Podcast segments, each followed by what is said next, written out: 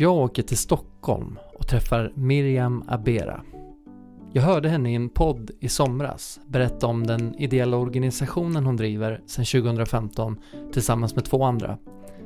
Fånga framtiden tillsammans heter den och har engagerat över 600 volontärer i Stockholm. De arbetar med att hjälpa nyanlända att integreras i samhället genom att till exempel erbjuda individanpassad läxhjälp. Ett arbete de av Stockholms läns landsting har fått utmärkelse för. Hon berättar också i podden om sin kristna tro och det är då jag bestämmer mig för att hon får bli min nästa gäst. Ja, om hon själv vill förstås. Och det ville hon. Så eh, välkommen till det här avsnittet av En kristens resa.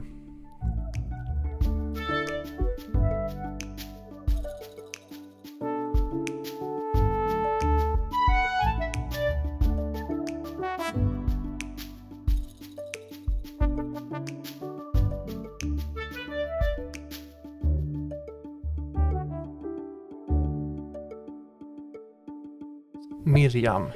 Ja. Vad, heter, vad är ditt fullständiga namn? Bara så uttala Abera. Ab- Miriam Abera. Abera. Mm. Välkommen Miriam till den här podden. Tack så mycket Jimmy. Tack för att jag får vara här. Eh, mina föräldrar kom från, eh, mamma flydde från Eritrea, pappa från Etiopien. Men pappa har ändå liksom, han har föräldrar från Eritrea men är uppvuxen i Etiopien. Mm. Så de kom liksom från olika platser till Sverige, träffades här. Ja. Och eh, ja, så jag föddes i Göteborg. Jag är nummer tre i syskonskaran. Vi är totalt sex barn. En stor familj. Vi är en stor familj. Eh, fem tjejer och en kille. Och brorsan kom sist. så brukar säga det, ja men den efterlängtade prinsen liksom. Mm. Men eh, så där växte jag upp och jag växte upp i ett kristet hem. Så jag har ju liksom alltid trott på Gud så långt jag kan minnas liksom. När du säger kristet hem då, vad, vad, vad innebär kristet det? hem. Det innebär att vi, liksom, föräldrar som älskar Jesus, tog oss till kyrkan varje lördag, fast vi ville vara på gården och leka med alla kompisar. Och sen söndag var det samma sak, då var det söndagsskolan, fast då i en svensk församling. Så lördagar var ju liksom en eritreansk församling. Vad, sä- vad heter det? En så? eritreansk, ja, lördagar. Då var, på lördagar var vi... Lö, jaha, ja, förlåt, lördag. Jag tror det var en stadsdel.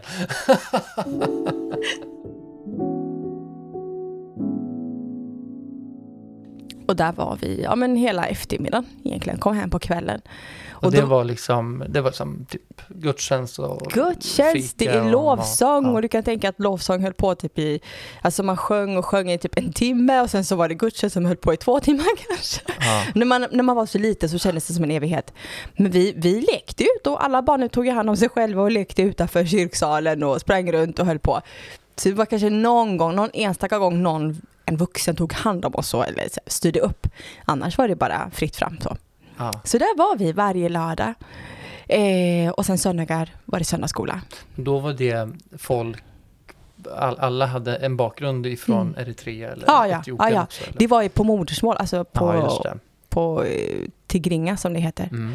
Ibland var det också, mm, eller ibland kunde vi gå till en, en etiopisk församling. Så lördagar var ju liksom, det var kyrkan fast inte den svenska kyrkan. Så. Nej, Och sen så på söndagar gick vi till en frikyrka i det var Göteborg. mycket, mycket kyrka på Så helgerna. det var mycket kyrka på helgerna.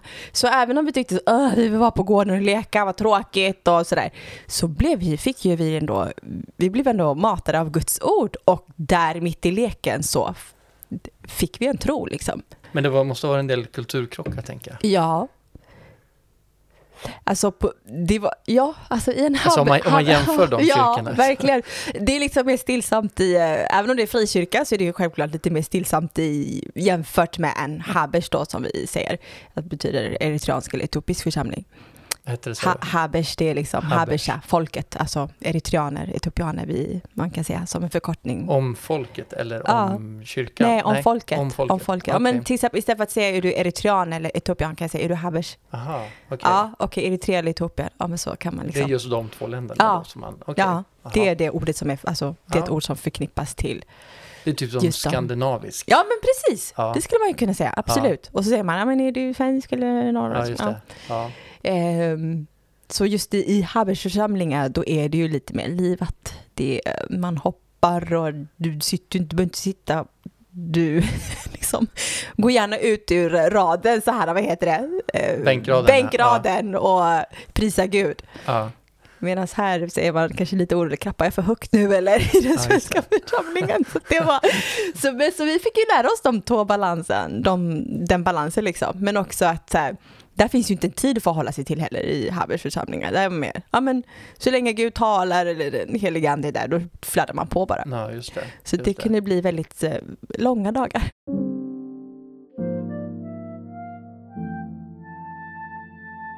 Vad, vad tänkte du om Gud? Hur, vad, hur, vad hade du för bild av Gud? Alltså jag, jag kan ju minnas så här, hur, man, hur jag bara älskade Gud så mycket. Alltså jag kunde ligga i min säng och göra, hur gammal var jag då? Jag kanske var, jag försöker tänka tillbaka för jag minns, jag ser mig själv ligga i min lilla säng liksom. Men jag kanske var typ så fem, sex år. Ja. Jag bara, Gud, jag älskar dig så mycket. Jag visste att det var liksom en enorm kärlek. Alltså Gud är så stor, han, han är så mäktig. Den känslan hade jag. Sen så kan jag, kunde jag inte sätta kanske ord på just liksom exakt vad, men att det var en, en enorm kärlek. Så här. Och, ja, men jag kunde nästan ta på den. Mm. Mm. Jag bara visste, jag bara visste, visste, visste, visste att Gud fanns, att han finns och han, han liksom ser till lilla mig. Mm. Mm, Sen när man växte upp och blev liksom tonåring eller ungdomsår, då var det fortfarande normalt att gå till kyrkan. Men jag skulle inte säga att jag var, jag kanske inte levde enligt de kristna värderingarna kanske. Nej. Utan då, man kunde liksom gå ut och festa och sen gå till kyrkan på söndag. Alltså, men, men tron fanns alltid kvar, du kunde inte ta bort den från mig. Nej. Det var ingen så här, det var en konstighet. Det är klart att Gud finns, men jag pratar på, alltså vet, så här, man pratar på ett sätt som inte alls behagar Gud. Men hur, hur tänkte du där och då, då? Kände du då att det liksom på något sätt var eh, i någon konflikt med din tro eller? nej men, det, ja, men jag tänker efter, det, på, då skavde det inte. Utan då var det bara så här, ja, det står liksom I love Jesus på vår eh, på dörren. När vi, så det såg man ju alltid när vi går ut och när vi går in. Så här, när man kommer hem och det var alltid mamma, det var alltid lovsång hemma, det var alltid bön. Så när vi vaknade på morgonen då såg man mamma på knäna liksom och bad och ropade till Gud och man kände så här, kan jag inte få lite sovmorgon i alla fall för att det, jag har varit och festat. Ja, Men för mig var det så här, nej men så länge jag inte dricker mig berusad, där går gränsen. ja, Liksom. Ja, så då hade du ändå gjort lite så här avvägningar och tänkt till, Ja, ja men liksom. precis, men om jag tänker efter hur jag pratade, hur jag betedde mig, hur jag tänkte, Mm. det var, och liksom så när man tittar tillbaka, så jag, nej det behagade absolut inte Gud. Men då så tyckte jag att ja, men det var ju helt okej liksom. Mm. Det blir verkligen så här, man blir som man umgås och eh, vi var ju inte eh, wild and crazy på det sättet, men om jag bara går tillbaka till hur jag själv pratade, alltså hur man svor och hur man kanske pratar illa om folk och liksom det var drama och liksom Mm. bråk och sådana här grejer. Men också att det var inga problem att absolut, man går ut och man festar och vi dricker och sådär. Men min gräns var ju alltid det så här. Man får inte dricka sig berusad. Där Nej, går gränsen liksom. Nej. Men ja, Du säger att din mamma bad mycket. jättemycket. Pappa också. Ja. Mm. Hur såg din, eh, förutom att ni gick till kyrkan då, Mm. men eh, hur såg din personliga relation? Hade, du liksom också en så här, Mm. bö- eh, bad Ja. du mycket och, Ja, men det var ju liksom innan man skulle gå och lägga sig. mm, En kort bön. ja, Eller innan man skulle äta. Och så. Men inte det här, om jag jämför med idag, hur liksom det är nästan som att man har en dialog hela tiden med Gud, alltså i varje, i sitt beslut och ja men i, i, i olika situationer hela tiden. Då var det mer liksom, Gud tack för, ma- eh, tack för maten, amen, eller när man gick och la sig, ja men tack för den här dagen, eller Gud som haver. Det, det kändes liksom fel om jag skulle sova om inte jag liksom bad ut Gud som haver. mm, Eh, och sen däremellan var det bara he- hej baberiba.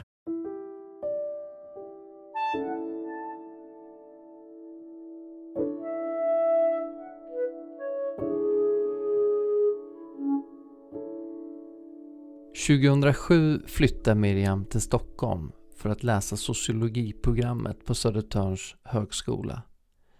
Men sen berättar hon om ett studieval som påverkade hennes liv väldigt mycket. Eh, vilket år var det då? 2010. Och varför jag just valde att gå till en bibelskola där jag liksom Är det som en vanlig skola? Det, nej, det är, det är från just den här bibelskolan då, 8 till 12. Mm.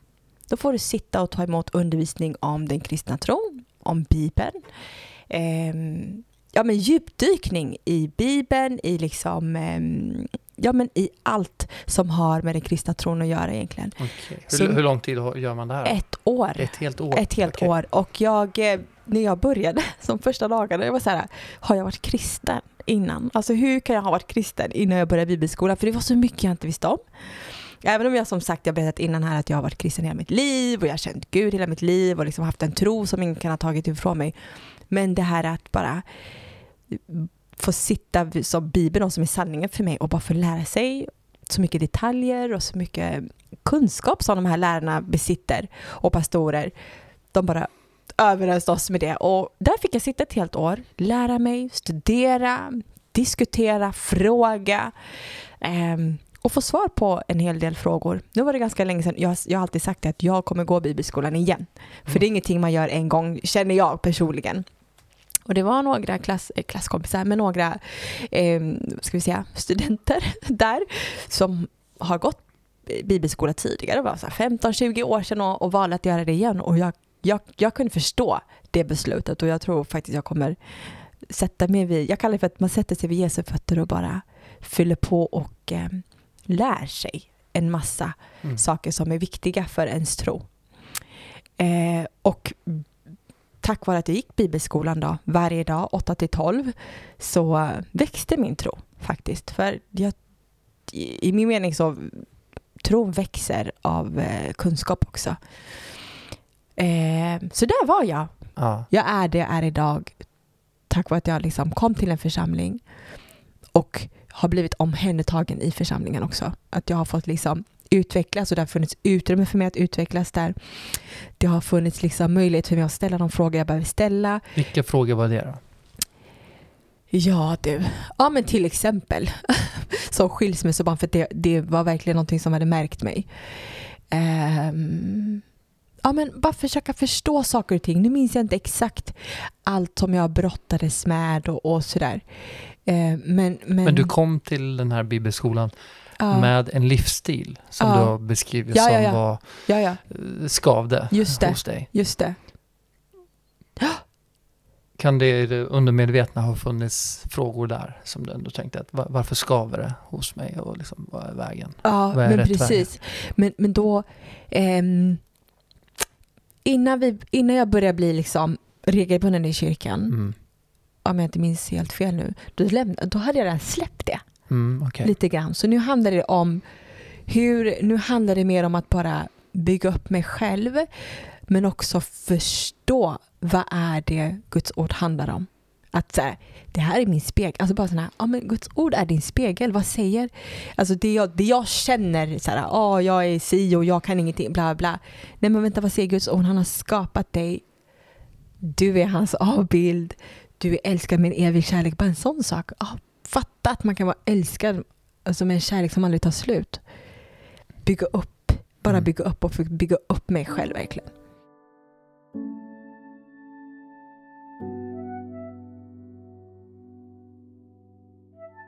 Gud, okej, jag har examen, nu har jag gått bibelskolan, vad ska jag göra nu? Och um, då fick jag, och då bara ställde den frågan om och om och om igen. Vi börjar närma oss slutet av bibelskolan, alltså gud, vad ska jag gå? Höger, vänster, upp, ner, vart, vart ska jag gå liksom? Och en dag då när jag sätter mig på tunnelbanan och bara ställer den frågan i mitt hjärta, bara gud, vad ska jag göra? Vad, vad ska jag göra efter bibelskolan? Så det är bara flyktingbarn. Det är det jag hör i mitt inre. Det var inte som att ett, en röst ekade och liksom så här, äh, det skakade utan det var bara som en viskning i mitt hjärta. Mm. Flyktingbarn. Och jag reagerade för jag var så här, va? Flyktingbarn? Jag sa det högt och det är ingen som sitter med. Jag sitter på sådana här fyra platser tunnelbanan från Slussen på väg hem. Liksom. Alltså du hörde en röst fysiskt? liksom, Nej, inte på något fys- men som Nej. en viss i mitt hjärta. Det var Mhm. inte som att jag hör din röst så som jag hör den nu, utan mer som att det är som att man får en idé typ. Mm. Jaha, va? Vadå flyktingbarn? Alltså typ så. Mm. Det bara dimpade ner i hjärtat så. Mm. Och jag, jag vet ju inte, jag visste ju inte vad flyktingbarn var då. när jag, när jag, när jag liksom fick det här på mitt hjärta. Mm. För jag var verkligen så angelägen om att veta, gud vilken väg ska jag ta? Alltså inom vilket område? För nu har jag ju då liksom pluggat färdigt och jag kan börja jobba nu, men var ska jag gå? Vilket håll? Mm. Inom vilket område? Och då liksom får jag det så snabbt.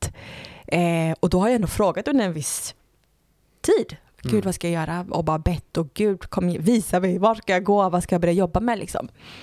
Men bara där i, i, i, i, mitt hjärta, även om det är fullt ös, Slussen, liksom, mycket Mm. folk och jag sitter på en tunnelbana på väg till, på väg hem, så är det som att det bara var jag och Gud i den stunden. Mm. Och jag liksom bara, va? Får ha ett samtal? Flyktingbarn, vad är det? Och så började jag bara, okej, gör lite research. Vad handlar det här om? Vad betyder flyktingbarn? Vad, vad, vad innebär det? Och jag läser på, går hem och läser på och bara, okej, förstår situationen. Och, och då har jag ju ändå en bakgrund av att ha föräldrar som har invandrat. Mm. De kom också ganska unga. Men när man är barn till, liksom, mina föräldrar, det är så här, va? Har de ens varit unga? Man, de har ju det. varit vuxna hela mitt liv. Ja. Men de kom ju när de var 19, något sånt. Mm. Ehm, så ja, men på den vägen var det då. Och jag via en jobbannons då, ganska kort därefter, så ser jag en jobbannons på mitt gamla jobb där jag jobbade så ser jag en jobbannons då att det företaget som jag jobbade för då eh, de ska då öppna upp ett boende för ensamkommande för flyktingbarn. Mm. Då var jag bara såhär, gud vilken timing. Jag fattar liksom. Ehm, så det, det, det, jag hade ändå ställt frågan till Gud så långt innan, gud vad ska jag göra? Men Guds timing är alltid den bästa timingen för att när han ändå svarar mig i samma veva så ska de då öppna upp ett boende så att det Mm. blir bara sådär, du vet, man tar det, det var fantastiskt, Det som pusselbitar. Ja, men precis. Ja, men Det vart en precis. bekräftelse En igen. det bekräftelse, var- mm. absolut. Så jag söker det jobbet, jag får det. Så där började jag jobba. Mm. Ute i Rimbo, Mm. där lärde jag mig enormt mycket om just den målgruppen. Och på min arbetsplats där då så upptäckte jag också att det finns liksom, det finns ett behov som, av hjälp som de här ungdomarna inte liksom kunde få stöd i. Eh, Okej. jag känner mig begränsad som personal på det här boendet. Mhm. Och varför jag säger så är för att de ungdomarna som bodde på det boendet, de blev 18 år och skulle flytta, och flytta till egna boenden, till egna lägenheter.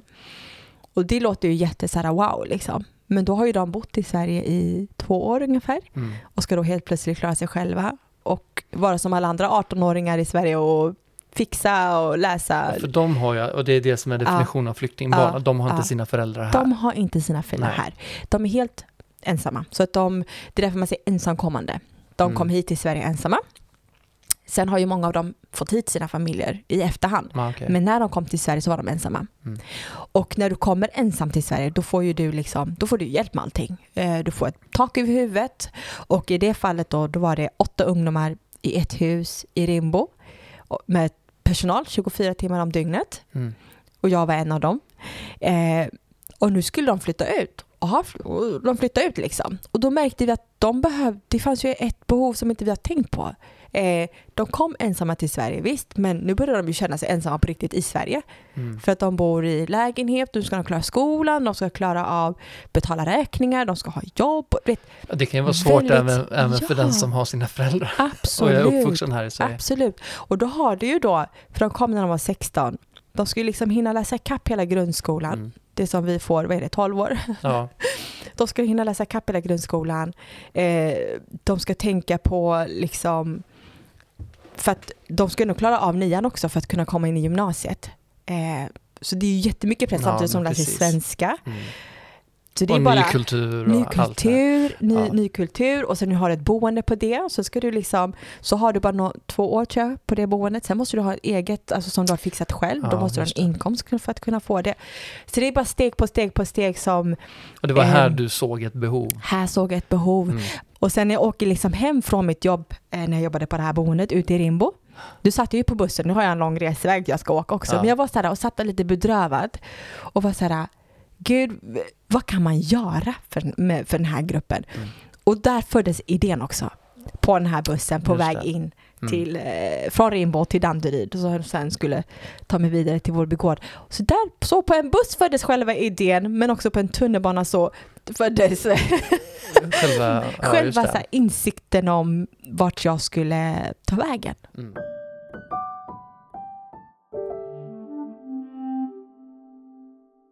Om du inte skulle vara en kristen, Mhm. tror du att du skulle jobba med de här frågorna då? Jag tror det och jag kan säga varför. För att jag har, som sagt, jag har träffat nästan närmare 600 volontärer för det är jag som är ansvarig för dem. Ja. Och jag har ju mött människor med helt olika bakgrunder och alla är ju inte kristna om man säger så. Eller så, alltså, förstår du hur jag Mm. tänker? Och eh, det visar ju på att det där har ju ingenting med alltså, den kristna...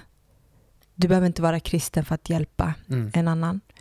Däremot så, så har ju den kristna tron hjälpt mig väldigt mycket. Alltså, jag har förstått att det handlar så mycket mer än att bara, det är inte bara läxhjälp, utan det, det är ju såklart mer än så. Mm. Men det kan också bli ett sätt att nå människor. Och också, jag tror på att Gud har ändå lagt ner ehm, alltså ett intresse och gåv, alltså gåvor i var och en av oss. Mm. Och skulle vi alla ha samma gåvor och samma intresse så hade, vi, så hade det blivit väldigt tråkigt och enformigt liksom.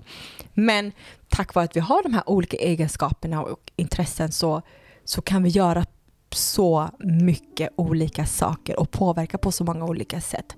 Men jag tror, det, hade jag inte varit kristen så vet jag att jag hade jobbat med människor ändå.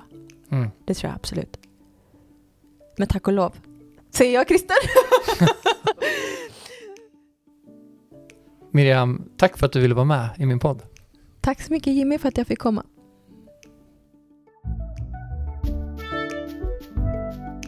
Uppskattar du min podcast och vill stötta den? Gå in på www.enkristensresa.se och läs mer. Tack för att du lyssnar.